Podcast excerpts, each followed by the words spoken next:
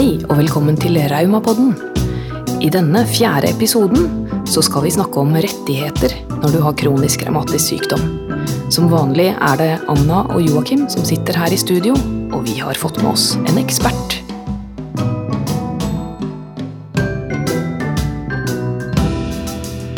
I denne episoden av Raumapodden skal vi snakke om rettigheter. Det er ikke noe jeg tør å gjøre alene. Og Joakim, eh, jeg vet ikke hvordan, hvor skarp du er på rettighetsfronten? Jeg har jo lært meg en del eh, opp igjennom, da. Men det er jo en eh, liten jungel, så det vi skal gjøre i dag, er å snakke om det viktigste og sette det litt i system. Det er ikke vanskeligere enn man gjør det til, men bruke gode hjelpere og de med erfaring, så får man det til.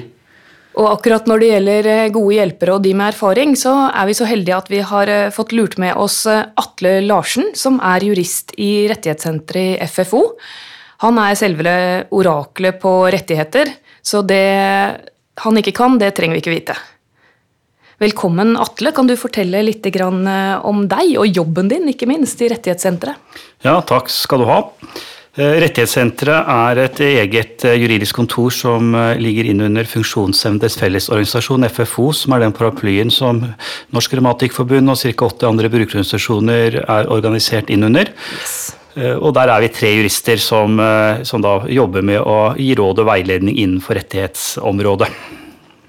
Det er så bra at alle våre medlemmer har mulighet til å ringe rettighetssenteret og få hjelp av en erfaren jurist der.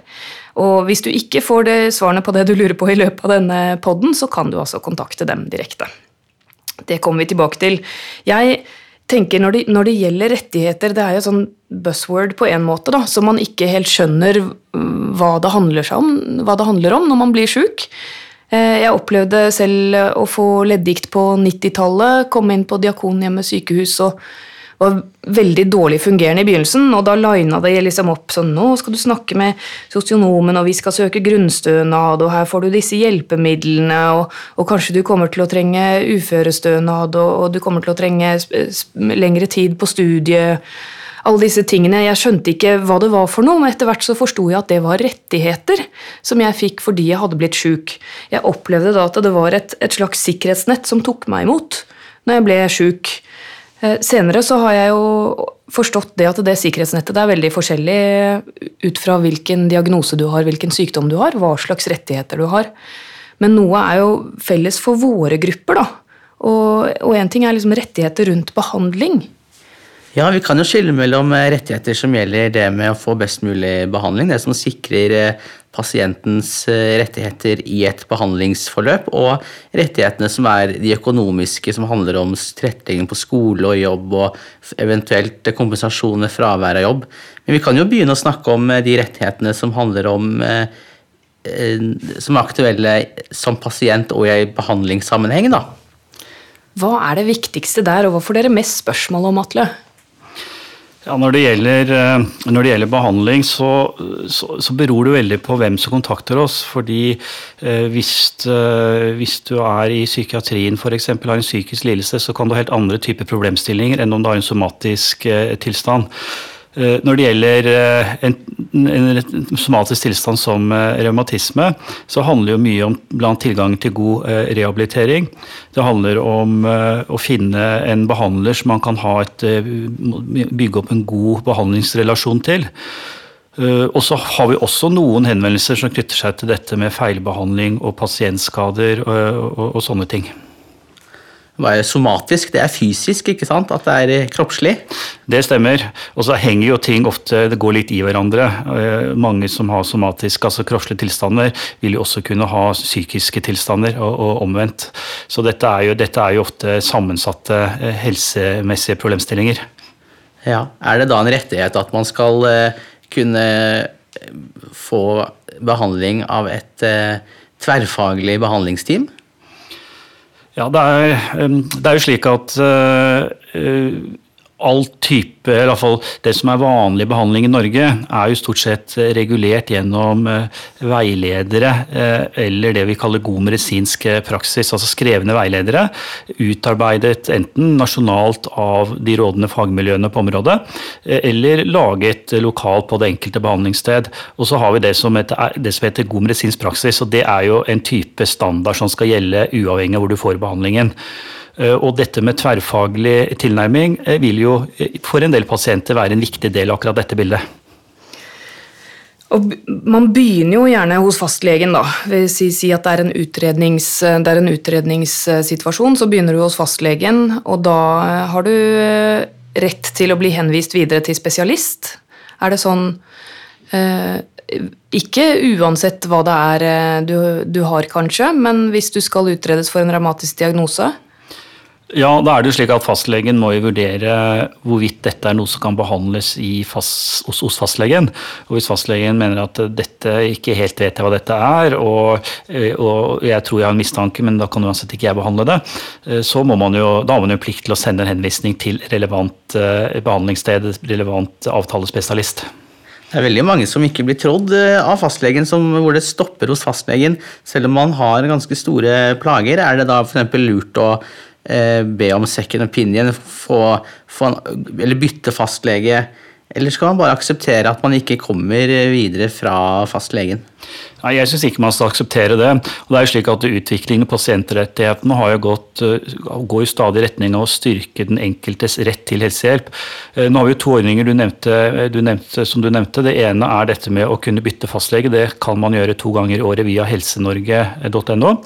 Og så ligger det også inne i pasient- og brukerrettighetsloven en rett til fornyet vurdering også i fastlegeordningen, slik at man kan gå til en annen fastlege og få en vurdering av det man da har fått vurdert hos en egen fastlege.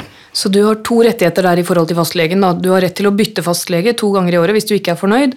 Hvis du har en fastlege som det egentlig funker å være hos, men eh, der er ett et tema som du ikke kommer videre med den fastlegen i, så kan du få en, en fornyet vurdering hos en annen uten da, å bytte.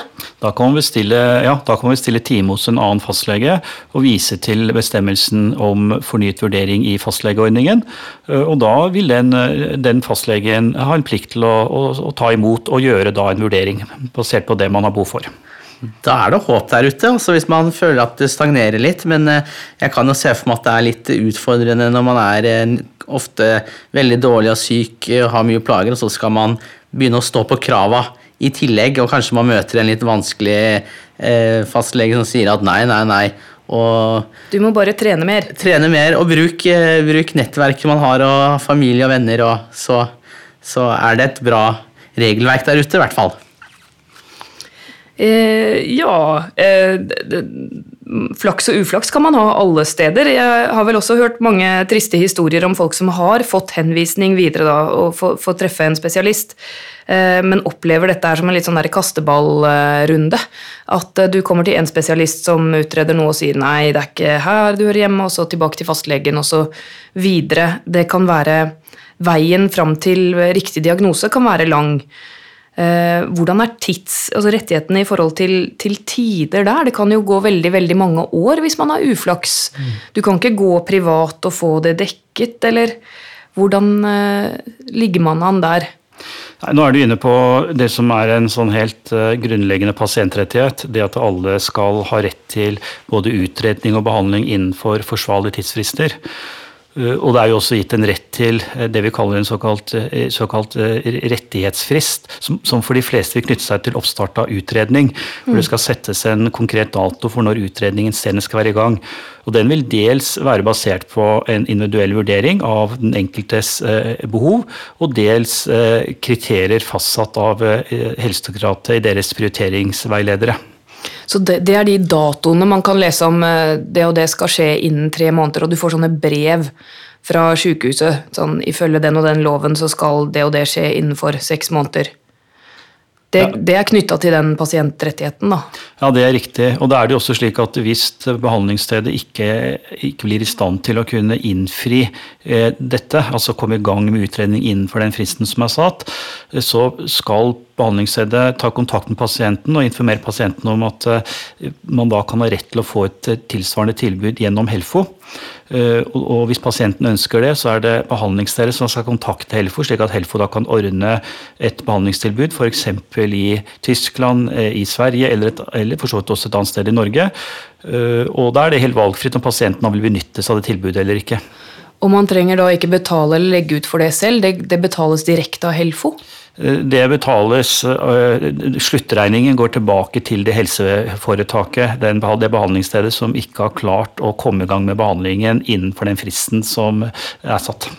Wow, så da, dette visste jeg ikke om, eh, for det, det betyr egentlig at det å få det, den garantien, da, at fastlegen må skrive en god nok henvisning, det vet vi er veldig viktig, til at du får rett til den vurderingen eller utredningen i spesialisthelsetjenesten. For når den henvisningen først er mottatt, så har de en klokke som tikker på, på hvor lang tid de kan bruke før de utretter det. Ja, men her jukses det. Ja. Eh, eh, en del behandlingssteder de eh, innkaller da ganske raskt til en poliklinisk samtale. Ja, det er klart de gjør. Og så, så og da har utredningen noe, begynt. Ja, og det skjer ikke noe mer konkret enn at man har en samtale, og så, og så drar pasienten hjem. Og behandlingsstedet de registrerer da ventetid oppfylt. Ah, og så, blir det da, kan det være ute i det blå når man da rent faktisk er i gang med behandlingen eller utredningen. Men nå er det selvfølgelig slik at dette dette forsvarlighetskravet vil jo alltid være styrende. Så de, ja. ikke, de, de, må, de må, uansett oppfylle forsvarlighetskravet. Så, så, det går en grense her hvor lenge de kan vente. Ja, Denne grensen den gjelder da foreløpig bare ved eh, utredning for nydiagnostiserte. Har man fått en diagnose og får tilbakefall, så er det ikke noe foreløpig for revmatikere i hvert fall at det er noe krav om å komme inn til konsultasjon innen den og den tiden. Men det jobber vi veldig mye for nå, for å følge opp at det skal bli et ordentlig pakkeforløp også for revmatikere eller personer med revmatisk sykdom. da. Sånn at man også vet hvor, eh, hva man kan forholde seg til etter at man har fått diagnosen. Mm. Men du var så vidt inne på Helfo, og er det en instans som vi pasienter trenger å bli kjent med og forholde oss til i forhold til å få rettighetene våre når det gjelder behandling? Ja, I noen sammenhenger så forholder man seg direkte til Helfo. Bl.a. det jeg nå nevnte hvis det er såkalt fristbrudd, om man da, man da ønsker å få et tilbud om, om, om, om helsehjelp via Helfo isteden. Da må man forholde seg til Helfo. Eh, det samme gjelder hvis man ønsker å benytte seg av muligheten til å få dekket utgifter i behandling innenfor EU-EØS-området. For det følger av EUs pasientdirektiv at hvis man er tildelt en rett til utredning eller behandling i Norge, så kan man bruke den retten også i et annet EU-EØS-land. Og da kan man få et forhåndstilsagn fra Helfo på hvilket kronebeløp man da har og har til rådighet. Så hvis du skal eh, Du har fått innvilget en operasjon i Norge, så kan du ta med deg den, eh, den eh, retten da, til operasjon og, og, dra til et annet sykehus i Europa? Ja, og det man, det man får med seg, det er litt sånn, litt sånn grovt sagt, men så får man med seg 80% av den summen som det norske behandlingsstedet ville fått for tilsvarende behandling. Ja, Interessant. Da er det jo mange ting man kan se etter hva som er viktig for deg som pasient. Om det er ventetid, om det er hva slags type behandling de har, hva slags utstyr de bruker. Og det står en del også på jeg lurer på om det er på Helse-Norge der hvor, hvor, hvor, det står ventetid og, og sånt. Og så, eh, men det krever jo selvfølgelig at man leser seg opp litt og vet eh, hva man skal velge, da. Så Vi snakker jo litt om eh, i foreningen her helseminister i eget liv, og til og med Det er ikke offisielt ennå, men den profesjonelle pasient. ikke sant? Det er litt, det er litt, eh, det er litt utfordrende, da. Når at det blir flere eh, muligheter, men det stiller også større krav til oss, da.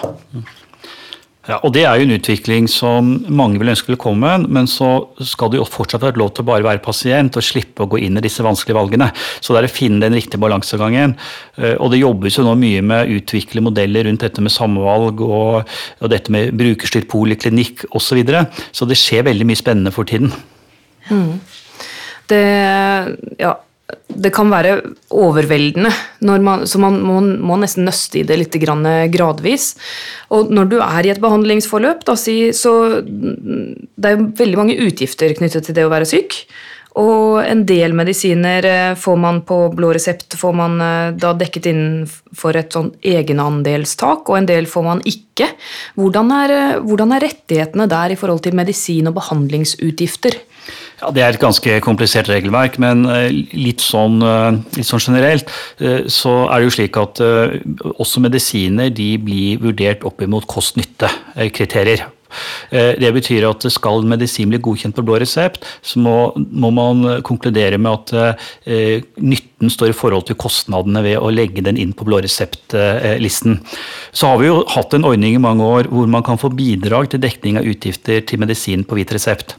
Den Eh, er nå avviklet. Eh, man har en overgangsordning for de som, ti, som, som hadde fått godkjent slike, eh, slike, bidrag tidligere, men man slipper ingen nye inn i ordningen, og så vil den så vidt jeg husker utfases nå, jeg lurer på om det er i 2020. Slik at nå så gis det ikke For de fleste vil nå ikke lenger få bidrag til dekning av utgift på hvit resept. slik at Enten er det blå resept, eller så må du dekke utgiftene selv. Det kan jo bli helt crazy da, hvis det er medisiner man har behov for. For det, den blåreseptordningen, er ikke den ganske sånn firkanta i hva som blir inkludert og ikke? Ja, det er riktig. Og her er det tallene hvor ikke jeg kjenner godt nok. Men, eh, men eh, de, de, eh, det ble slik at når de nå opphevet denne bidragsbestemmelsen, så sa de at de kom til å utvide blåreseptordningen, slik at flere medisiner ville da bli omfattet av blåreseptordningen. Men, men de måtte da utsettes for en sånn, en sånn nytte-kost-stresstest før de da kom inn i ordningen. Så blir det en sånn mellomrom. Og dette her mener jeg har hørt før også, sånne løfter om at ja, ja, vi tar bort denne rettigheten, og så skal vi komme med noe nytt eh, som er mye, mye bedre snart. Men så bare skjer det kanskje ikke noe der, da. Jeg har opplevd det sånn i den tiden jeg har vært eh, pasient eh, og kroniker, nå i ca. 25 år, at det som var et ganske sånn solid nettverk som tok meg imot med rettigheter på 90-tallet, det har blitt veldig svekket i disse årene. Altså. De trekker ut, Det kjennes som hver regjering som kommer inn, de tar bort én tråd i det sikkerhetsnettet, for de skal spare penger. De ser på kroner og øre og bare denne, ja, men den eh, egenandel for fysioterapi, det er for dyrt, det tar vi bort, de gruppene skal ikke få det lenger. Og nå var det grunnstønad for eh, dyre sykdomsutgifter, nei, det skal dere ikke få lenger. Eller skattefritak, var det. Eh, det. det. skal dere ikke få lenger. Men det kommer snart noe nytt og bedre som er kjempemye bedre for dere. Eh, får dere mange sånne frustrerte pasienthenvendelser på rettighetssenteret? Hver gang det er en sånn endring du nå nevner, så står ikke telefonen stille, og det kommer også mange mail. Eh, godt eksempel er jo når man fjernet sykdomslisten for, eh, for eh, gratis fysikalsk behandling. Var det, for det, der var det jo langt flere enn revmatikere som sto, og vi fikk masse henvendelser. Og, og mitt inntrykk er at det også kom til de ulike særorganisasjonene. Så det var jo en sak som engasjerte veldig. Mm, ja. Det er klart det blir dyrt når det er behandlingen som man stort sett skal følge, men vi er jo innenfor dette egenandelstaket. da, sånn at er det, Hva er de egenandelstakene nå? Og det er to forskjellige, eller er det tre forskjellige? Ja, Det er to forskjellige, og vi har jo tak 1-ordningen som er sånn underkant av 2004 i år. Og så har vi tak 2-ordningen som er 2085. Eh, den siste ordningen er vel den som færrest kjenner til, men den omfatter da utgifter til fysikalsk eh, behandling. Eh, noe tannlegeutgifter, særlig knytta til tannkirurgi og behandlingsreiser til utlandet og opptreningsinstitusjon. Så det er de fire som omfatter der. Så når man da har klart å summere egenandeler på ett eller flere av dem som kommer opp i dette taket, så blir man registrert med et frikort på tak to hos eh, Helfo. Nå, nå, kommer jeg til å stille noe som sikkert er et kjempedumt spørsmål. Eh, disse forskjellige takene, eh, teller de mot hverandre, eller er de liksom separate? Sånn at det som er innenfor egenandelstak 1, det teller ikke på tak 2? Det er helt forskjellige utgifter? Helt eh, separate. Ja, sånn at hvis jeg taket på 1, det er medisiner og sånn, er det ikke det? Og, og egenandeler til behandling. Der kan jeg betale 2004 i året. Og så på tak 2 var det der det var fysikalsk behandling? Der, går, der ligger egenandelen fysikalsk behandling, ja. Og hvor mye var det på? Den er på 2085 kroner i år. Så da er vi oppe i 4500 ca. Og den tak 3, det var på utenlandsbehandling? Nei, det var ikke noe tak 3. Vi har, vi har kun de to takordningene. Ok, så, så sånn uh, 4005, da. Uh, er det du skal betale i egenandeler egentlig i året men nå må jeg si, jeg, jeg, jeg fniser litt her, for jeg vet jo at de aller fleste kronikere har jo sjukt mye mer utgifter enn det. Og det, det, er jo behandling som ikke dekkes, og medisin som ikke dekkes, og, og det er utstyr som ikke dekkes, og det er spesialklær eller sko eller utstyr og sånn. Er det noen ordninger liksom utover disse egenandelene for å dekke f.eks kiropraktor som jeg går til, som ikke dekkes eh, eh, noe mer enn en liten sum. Jeg betaler nesten 500 kroner gangen for å gå til den kiropraktoren som faktisk er det som gjør meg i stand til å jobbe. Men det, det, ja, 3000 i måneden cirka bruker jeg sammenlagt på behandling og sånn, som ikke, ikke, er i de egenandelstakene. Nei, Når det gjelder kiropraktor, så er det kun den eh, litt symbolske eh, subsidieringen som du nå nevner, eh, som ligger der. Og det finnes ingen andre ordninger som dekker slike utgifter. Men vi har, vi har noe som heter grunnstønad hos Nav, som er en skattefri månedlig ytelse som man kan få for å dekke noen ekstrautgifter. Og For revmatikere så er det vel da særlig ekstrautgifter til eh, transport som kan være aktuelt, eh, men kanskje også ekstrautgifter knytta til klesslitasje. Eh, og ellers omfattes, omfattes, dette med fordyret kosthold ligger også inne der, at man må gå på en, et kosthold som øker, øker, mat, øker prisen, altså kostholdsprisen, da, utgiftene til mat, ganske betraktelig i måneden. Dette må jo ofte dokumenteres ganske mye. om å legge med litt eh, skriv og vedlegg og sånn for oss å få det, da. Det er jo blitt litt vanskeligere. Jeg har hørt en eh, jeg vet ikke om det er en myte eller en fakta, er at eh, de aller, aller fleste får avslag første gang man søker om noe som helst fra Nav. Og for de tenker at hvis ikke man klager, så har man ikke behov nok. Så oh, ja. ikke gi opp etter første avslag. Klag på alle vedtak. Det er inside information herfra. det er bra tips. Men, eh, men som vedlegg, jeg vil, jo, jeg vil jo anbefale å bruke appen Smertevenn, hvor man kan notere smerte fra dag til dag med tidspunkt, og også hvorfor man eh, eh Altså omstendighetene rundt smerten, da. F.eks. Eh, måtte opp klokka seks om morgenen igjen og dusje lenge i varmt vann. Økt strømregning, ikke sant. Øk utgifter til varmtvann. Mm. Mm, så alle sånne ting. Man må bare tenke hva, hva koster ekstra fordi jeg har en revmatisk sykdom. Dokumentere. Men, nå er jo ikke alt du nevnte som da gir rett til grunnstønad. Eh, F.eks. det å dusje ofte ikke rett til grunnstønad. Eh, det som er rett til grunnstønad, eh, det er primært ekstrautgifter man har til transport fordi man ikke kan reise kollektivt. Så man må bruke egen bildrosje i mye større grad man ellers hadde trengt. Og så kan man få knytta til klesslitasje. Eh, der vil primæ utgiftene primært være knytta til selve klesslitasjen, altså, altså, utgifter til innkjøp av nye klær, nye sko. Man får nesten ikke noe godskrevet på utgifter til strøm til vaskemaskin f.eks. eller vaskepulver. Og, da, og Nav begrunner det med at moderne vaskemaskiner de trekker nesten ikke strøm. Eh, så, og da må man, Når det gjelder klær, så sier man at du må kunne legge frem dokumentasjon over minimum tre måneder hva du har hatt av utgifter når du søker. Ja.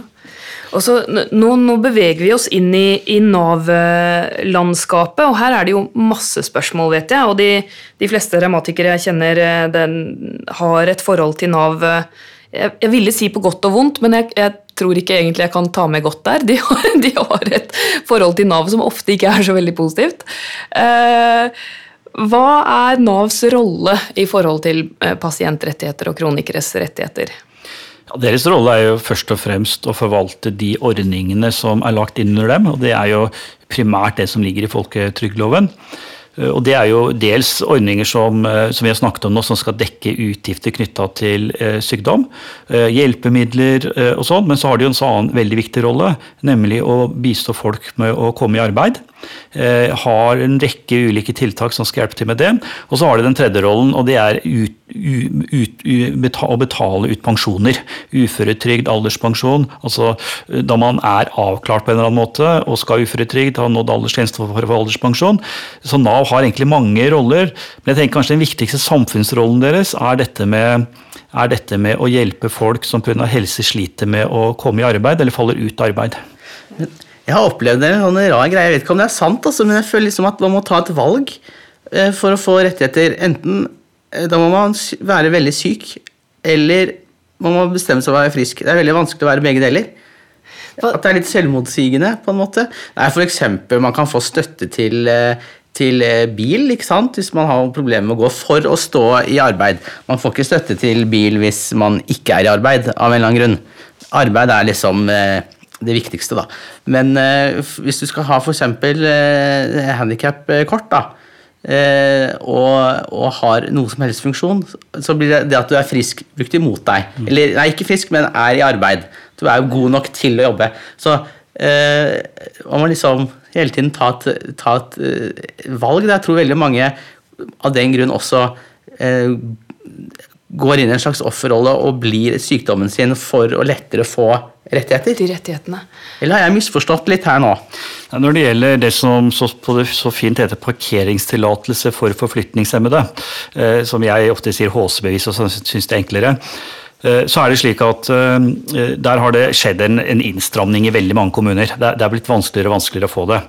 Og mange kommuner de legger særlig vekt på om man har behov for det knytta til jobb, utdanning eller bosted, og prioriterer de som kan dokumentere at uten en slik tillatelse så vil jeg pga. min helsesituasjon ha problemer med å stå i jobb eller problem med å, å, å, gjennomføre utdanningen min, og det er dårlig, eller det er veldig dårlig parkeringsforhold der man bor. Og Det betyr at de som eh, f.eks. er uføretrygda eller alderspensjonister, hvis ikke de kan knytte behovet for tillatelsen opp mot bosted, så vil de slite mange steder med å få den tillatelsen. Mm. Og så har vi som du nevnte trygdebilordningen, som jo er en veldig bra ordning, men den ble jo endret i 2015. Så nå sier man at eh, stønad til kjøp av det vi kaller personbil, gis nå kun til de som trenger det i forbindelse med jobb eller utdanning. Hvis de trenger det i forbindelse med utdanning, så kan de risikere å miste bilen når utdanningen er fullført, hvis de ikke kan dokumentere at de også også trenger den i med jobb eh, etterpå. Uh, og det er selvfølgelig veldig, veldig ugreit. Uh, jeg hadde et eksempel hvor det var, hvor det var ei som har hatt bor alene, har hatt trygdebil i mange år. Og så hadde hun hadde gått elleve år i høsten 2014, og da kunne hun søke om ny stønad. Hun var minstepensjonist og ville sannsynligvis fått maksimalt beløp.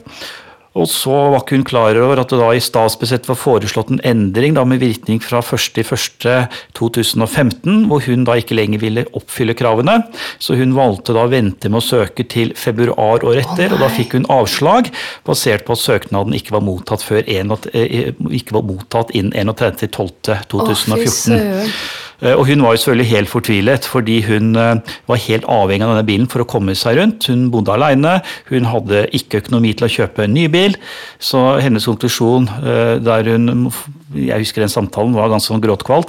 Det var at hun nå bare måtte prøve å beholde den bilen hun hadde så lenge som mulig. Ja. Det er, jo, det er, jo, fælt når man havner i skvisen der. Ordningen endres, og man kan jo virkelig ikke følge med på alt. Du kan ikke sitte og lese alle lovforslag eller alt og forstå hva det innebærer for deg. Altså, det, er, det er virkelig, virkelig vrient og krevende. Um, trygdebil eh, er det, er det, egentlig ganske få som eh, oppfyller kriteriene for å få lenger? Er, ikke det, er ikke det også knyttet til økonomi? Altså? Jo, det er en økonomisk behovsprøvd ordning uh, hvor barn identifiseres med den av foreldrene som har høyest inntekt. Uh, og er du over 18 år, så vurderes du basert på egen inntekt. Så sånn så kan, sånn så kan du tenke seg at hvis man er student for eksempel, og ikke har rukket å noe, få noe særlig inntekt ennå, at man kan oppfylle de økonomiske kriteriene for å få full støtte, som nå er ca. 160 000 for personbil. Da får du støtte til å kjøpe bilen, og så får du en eh, grunnstønad til hold av bilen, som skal dekke forsikring og, og vedlikehold og og drift? Ja, det, er automa det, er ikke automatikk for grunnstønad, men sånn i utgangspunktet så får man en grunnstønad som, som, normalt da vil være på sats 2-3. Dvs. Si en sånn opp mot 1300 kroner i måneden. Ja. Transport er jo et eh, kjempeproblem, men som sagt, trygdebil er jo oppnåelig for, for veldig, veldig mange. Dette parkeringskortet um, har jo også økonomiske øh, hva skal man si, sider, fordeler. fordeler. Men det skal ikke være en grunn for ja? Du slipper å betale bompenger rundt der du bor, i hvert fall. Ikke andre deler av landet, holdt jeg på å si. Så, jo.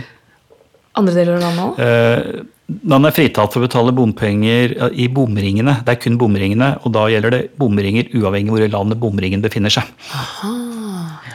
Det blir jo snart umulig å få, få noe som helst sånt lenger, er mitt inntrykk. da. I hvert fall i Oslo. Ja, Oslo bruker jo en begrunnelse som jeg syns er ganske horribel, og det har den brukt i flere år. Jeg ser andre kommuner nå eh, adoptert det.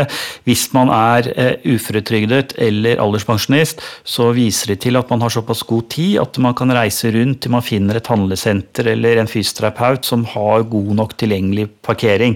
Eh, så de mener altså at man skal reise rundt og forurense og bruke masse ekstra penger på å kjøre rundt i Oslo for å da klare å finne sted hvor, hvor det er mulig å parkere nærme nok så man faktisk får gjort det man skal.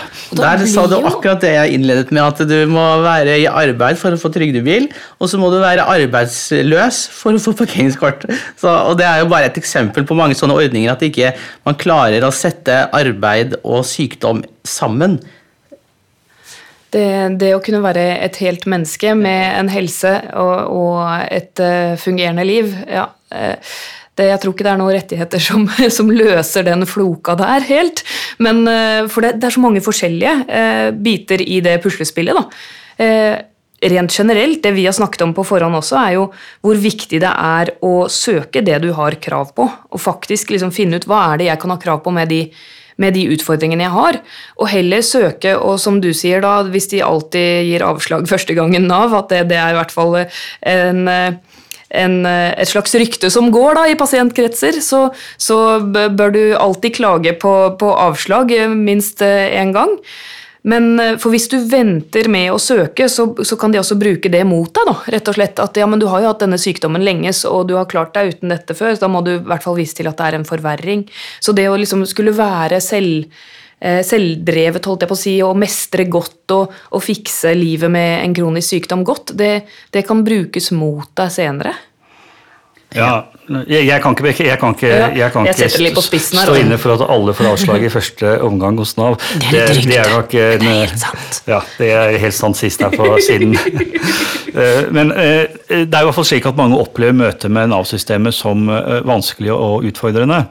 Min, min, erfaring er at det avhenger veldig mye av hvilken saksbehandler man får. Eh, man er avhengig av Får man en saksbehandler som er lyttende, og som evner seg inn i vedkommende situasjon, så har jo Nav en masse ordninger, masse muligheter, som man kan, som man kan bruke. Eh, noe av problemet er jo at, eh, at mange saksbehandlere har en altfor stor portefølje. Det var jo en, Man sjekket for noen år siden disse som jobbet med den arbeidsavklaringspengeordningen. og Der hadde jo enkle saksbehandlere, jeg tror det var ganske mange år faktisk, hadde jo opptil 300-400 enkeltklienter som de da skulle ha ansvaret for gjennom året. Følger de opp når de er på arbeidsavklaringspenger, og det sier seg sjøl at eh, da, da, da, da, kan man ikke få god service. Da, kan, da har man ikke en saksbehandler som har tid til å sette seg ned og bruke, sette seg sammen med den enkelte og virkelig bruke tid. Eh, og finne ut hva er det denne personen faktisk trenger, og gi den bistand denne personen har behov for. Da blir det jo ikke snakk om å få hjelp til uh, å, å, finne de ordningene som kan hjelpe deg å fungere best mulig. Det, det, blir jo bare en sånn kontrollinstans, da, nesten. Ja, nå er dette noen år tilbake, og jeg tror nok Nav har jobbet en del med, med, med akkurat den problematikken. For dette, dette, var jo noe av det som ble identifisert som et av de, store, de store utfordringene når det gjaldt arbeidsavklaringspengeordningen, og det at for mange ble gående veldig passive. De fikk ikke den aktive oppfølgingen som de hadde behov for av Nav. Mm.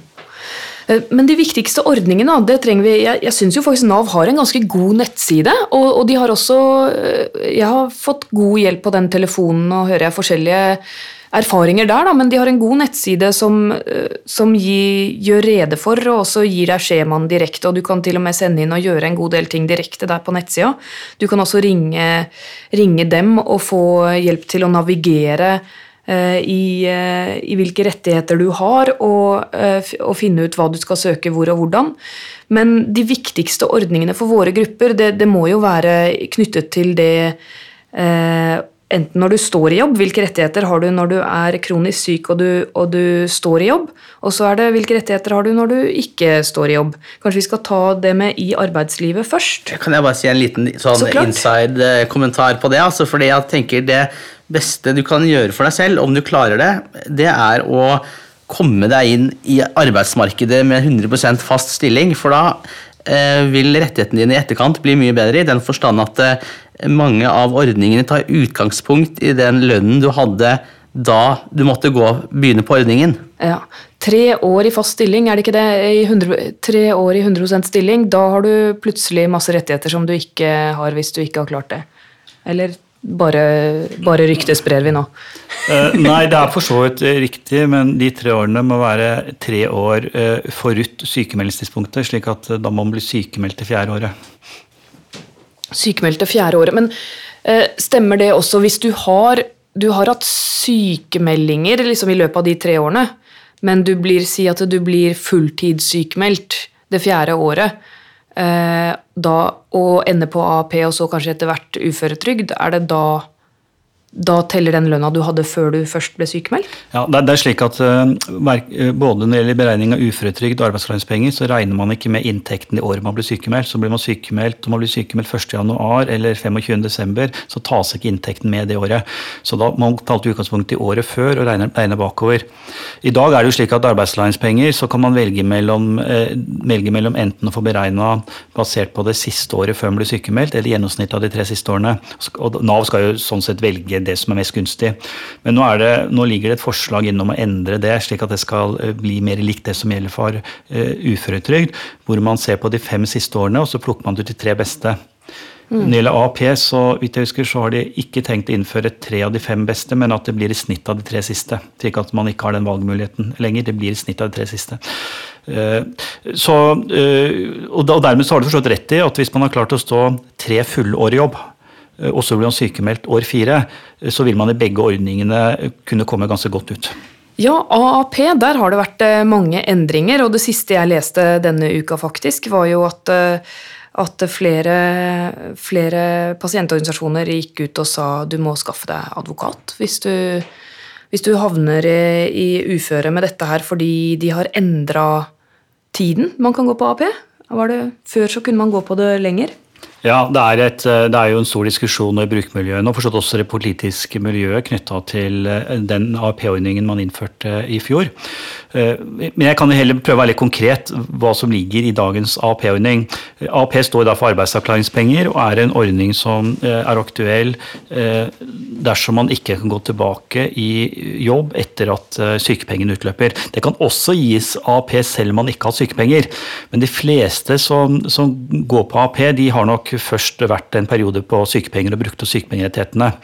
Og da er det slik at AAP får man hvis man gjennom medisin medisinsk behandling eller det vi kaller andre arbeidsrettede tiltak, eh, kan ha mulighet til å komme tilbake i jobb igjen, så kan man få AAP. Slik at man da kan få en tid etter at sykepengene utløper til å kunne bli avklart både medisinsk og hvite man kan gå tilbake til sin, eh, den jobben man eventuelt fortsatt har, kan omskoleres. Og noen skal jo da også avklares mot en uføretrygd, men, men man er ikke sikker på hva uføregraden er. Det er ikke sikkert man skal ha full uføretrygd, kanskje skal man ha en gradert uføretrygd og, da går man på AP. Eh, og så er det slik at Man nå har innført en begrensning hvor lenge man kan motta AP. Eh, hovedregelen er at man kan eh, motta AP inntil tre år.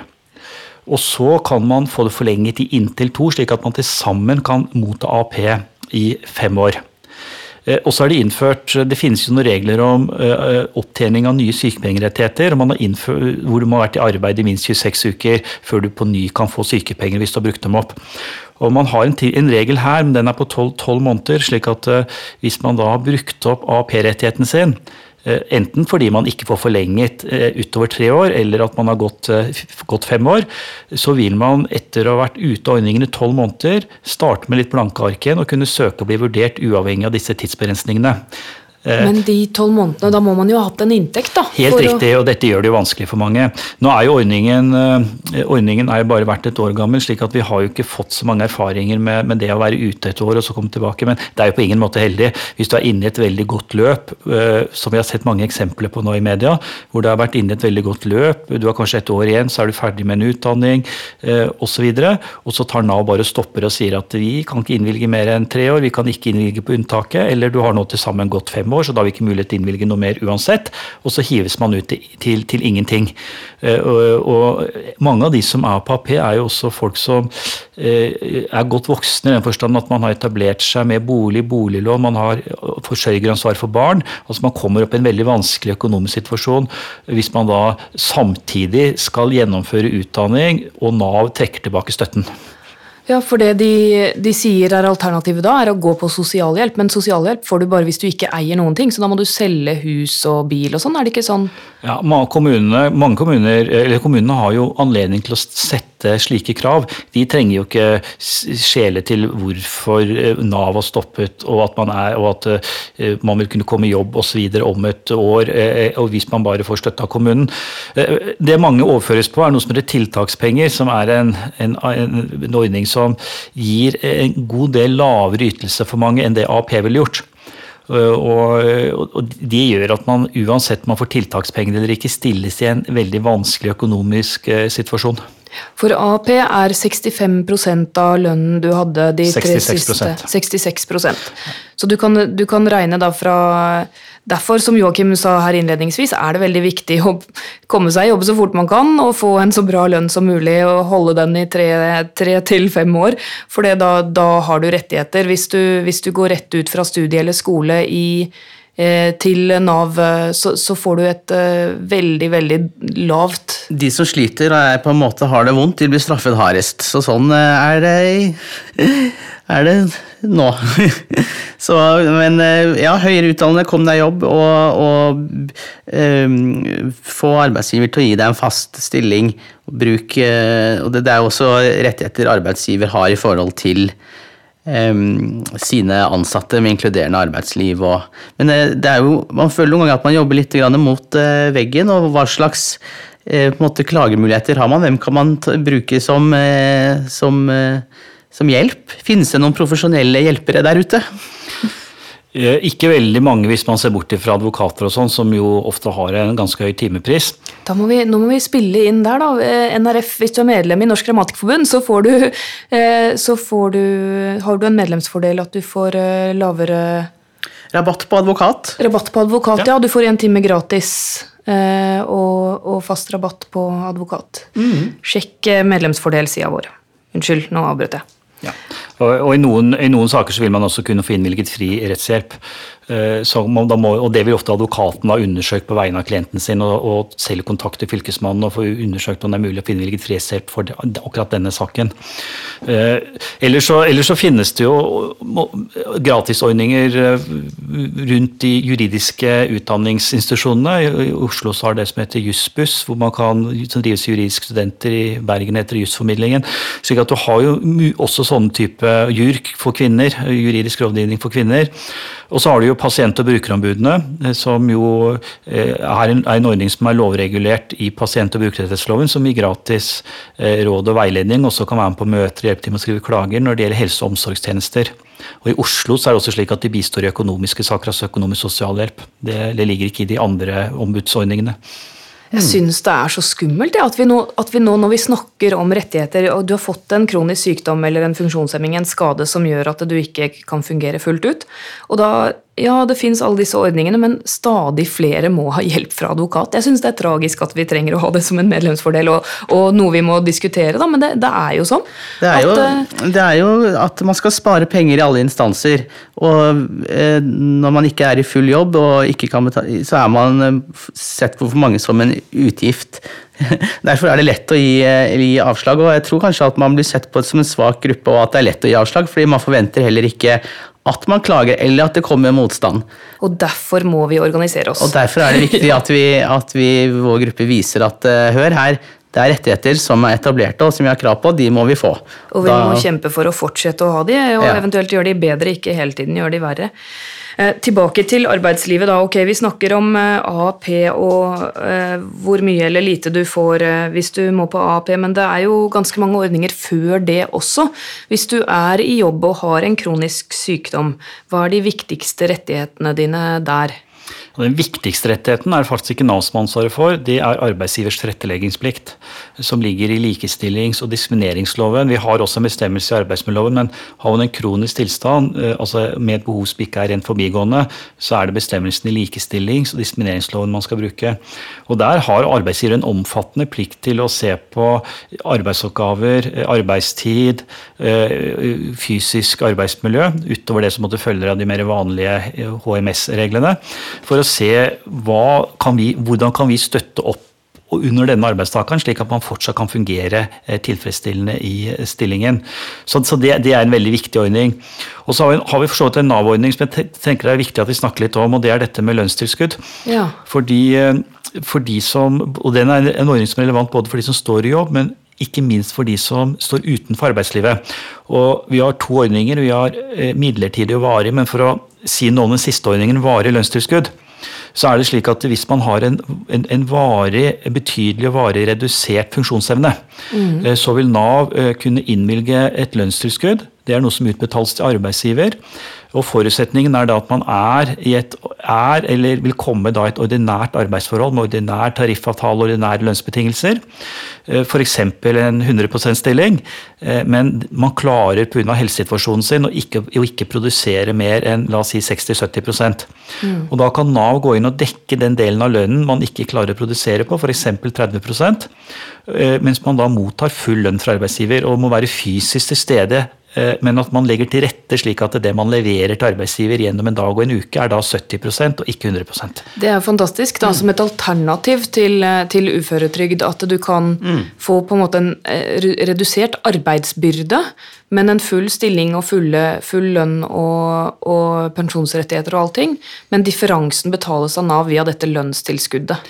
Ja, det, det er det mange også, som ikke vet om det. Ja, og det kan også innvilges selv man, man må ikke stå i full stilling, og det kan også kombineres med uføretrygd faktisk. At man har eh, la oss si 50% uføretrygd, og så jobber man 50% og så klarer man etter hvert ikke å jobbe mer enn 20 eller 30. og Istedenfor da å øke uføretrygden, så kan man prøve å få innvirket lønnstilskudd. Det er ikke noe automatikk i dette, men det er iallfall en ordning man da bør se på om den kan være også da et godt alternativ til en økning i uføretrygden. Ja. Dette er rett og slett så interessant at Atle, jeg vet ikke om du får lov å gå hjem igjen noen gang, for vi kunne egentlig sittet her eh, veldig, veldig lenge. Men uh, samtidig så vet vi jo litt om hva som er mest aktuelt for våre medlemmer og, og lyttere. Og, og, derfor så syns jeg vi skal klare å runde av med en uh, topp fem. Joakim, hva, hva, hva er først på topp fem? Jeg vil si grunnstønad for eh, ekstrakostnader til transport, bl.a. Hva gjelder der, Atle? Nei, det er jo slik at eh, Alle har jo en utgift i transport. Og vi har noe som heter eh, SIFO standardbudsjett. Dvs. Si at man har prøvd å regne ut hva en voksen eh, bruker til transport per måned. Og en voksen som da ikke, ikke har bil, bruker ca. 700 kroner i måneden i transport, uavhengig av sin helsesituasjon. Og har man bil, så har man satt at den utgiften ligger på rundt 2002-2003 i måneden. Og så er spørsmålet om man har høyere transportutgifter enn dette som følge av sin helsesituasjon.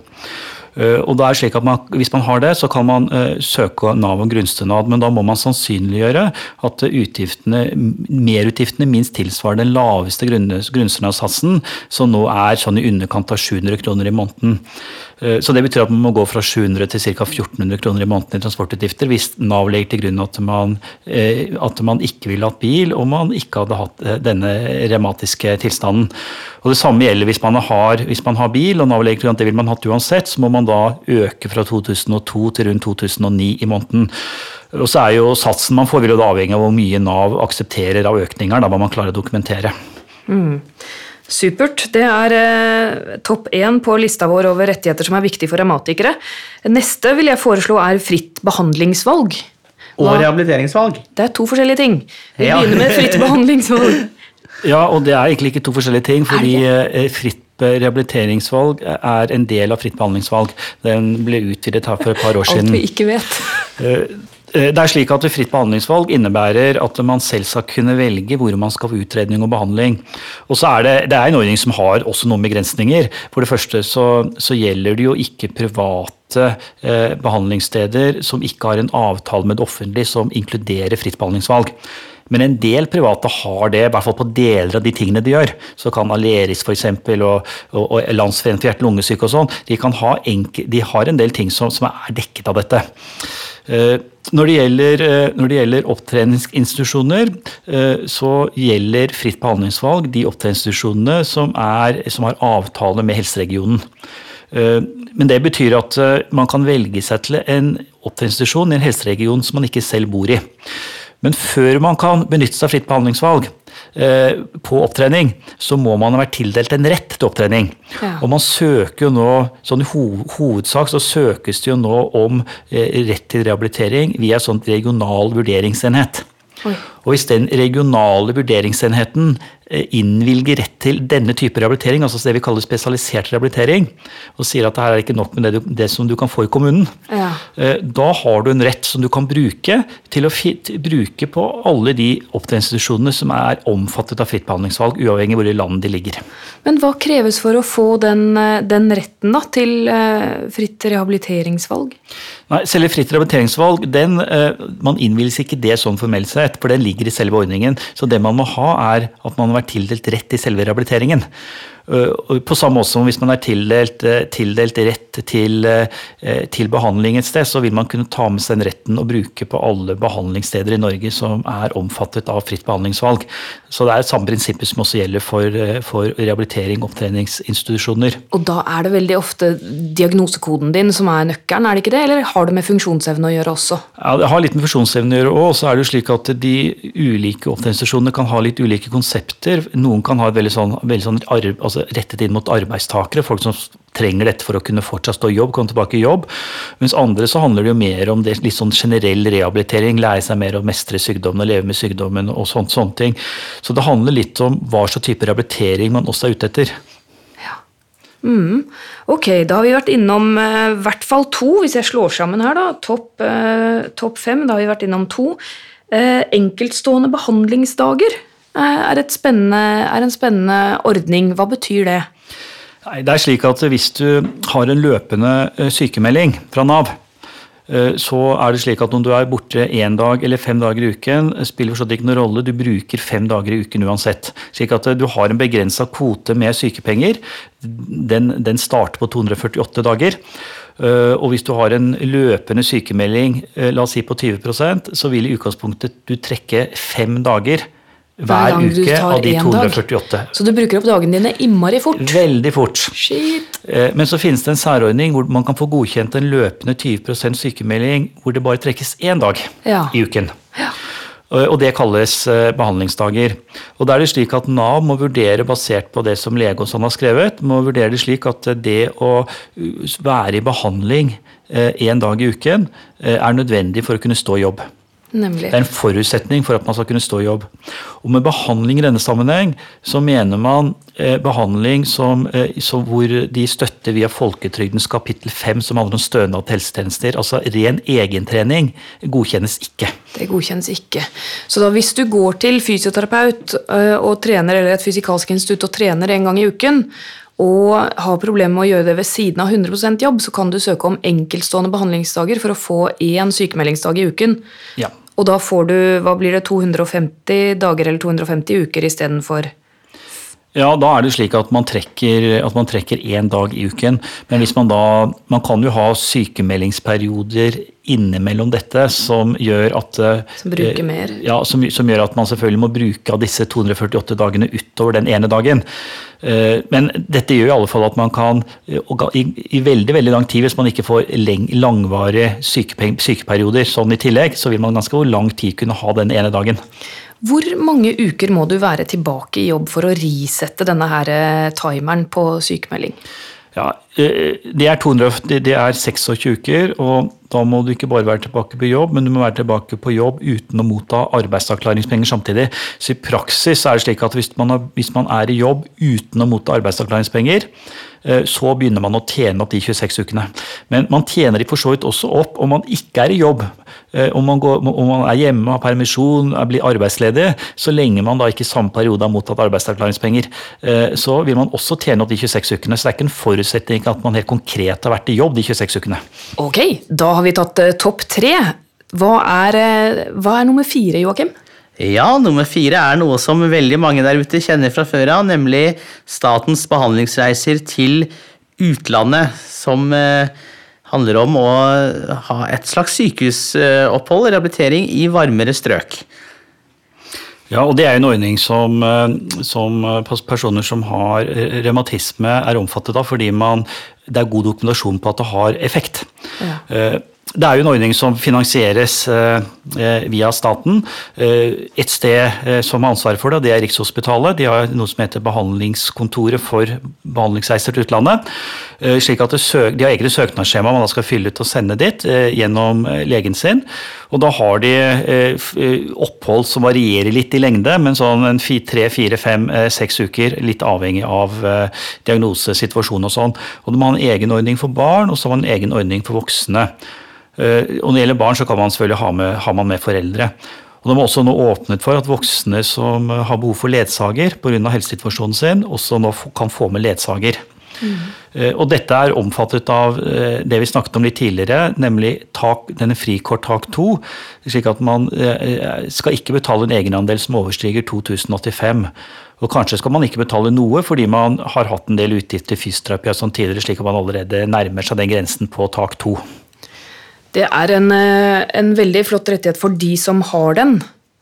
Eh, Ok, hva er topp eh, fem, da? Eller nummer fem på lista vår? Ja, nummer fem. Altså, jeg må bare snike inn en nummer seks til slutt, da, men det kan vi ta, det kan vi ta da.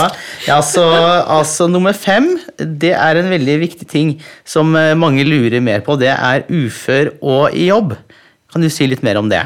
Ja, I 2015 så la de om ø, uføretrygden en del, og det de særlig hadde fokus på, det var å styrke opp om arbeidslinja, som det heter. Nemlig at man skulle legge bedre til rette for at de som hadde fått innvilget uføretrygd, kunne arbeidsnekt ved siden av.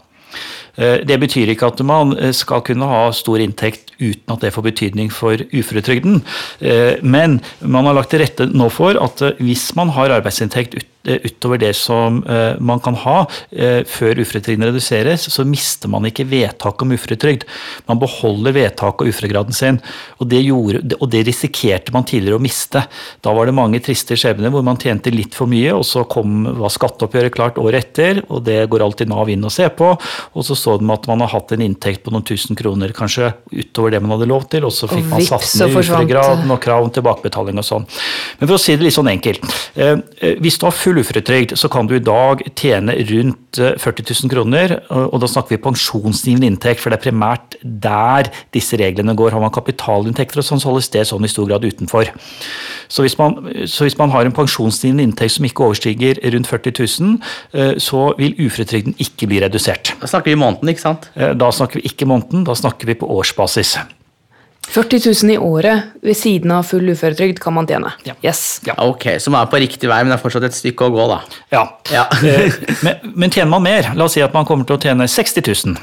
Da tjener man jo 20 000 utover det man har lov til å tjene når man mottar full uføretrygd. Og da skal uføretrygden reduseres. Og da reduseres den eh, ut fra følgende eh, formel. Først så ser de på hvor mye utgjør uføretrygden av tidligere inntekt.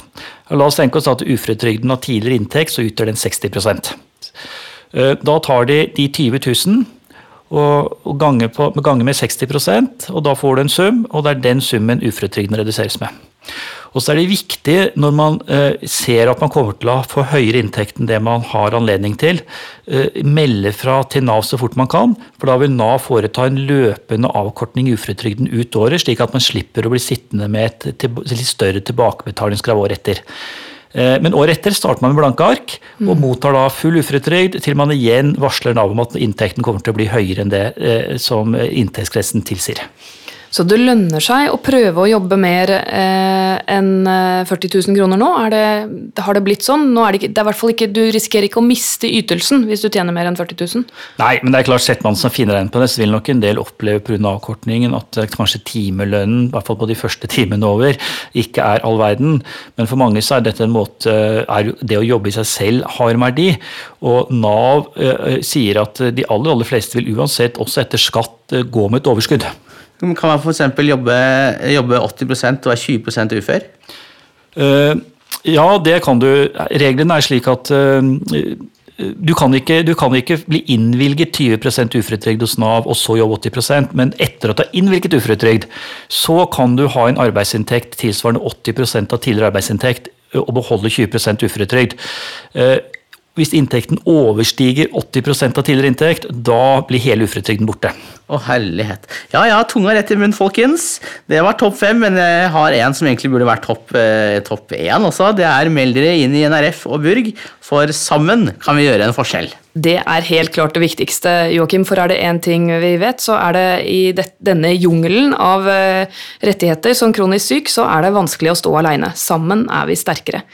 Da vil jeg takke deg, Atle, som har stilt opp her eh, for oss i dag og gitt oss så mye nyttig informasjon. Det er eh, fantastisk at du kunne stille opp. Bare hyggelig. Veldig hyggelig å være her. Og du, du, du slipper jo ikke helt unna heller, for vi har allerede invitert deg til å delta i neste episode av Raumapodden, så eh, du hører snart fra oss igjen. Takk! I denne episoden har vi hatt besøk av Atle Larsen fra FFO, og vi har snakket om rettigheter når du lever med kronisk revmatisk sykdom. Lyden er fiksa av Podmaster.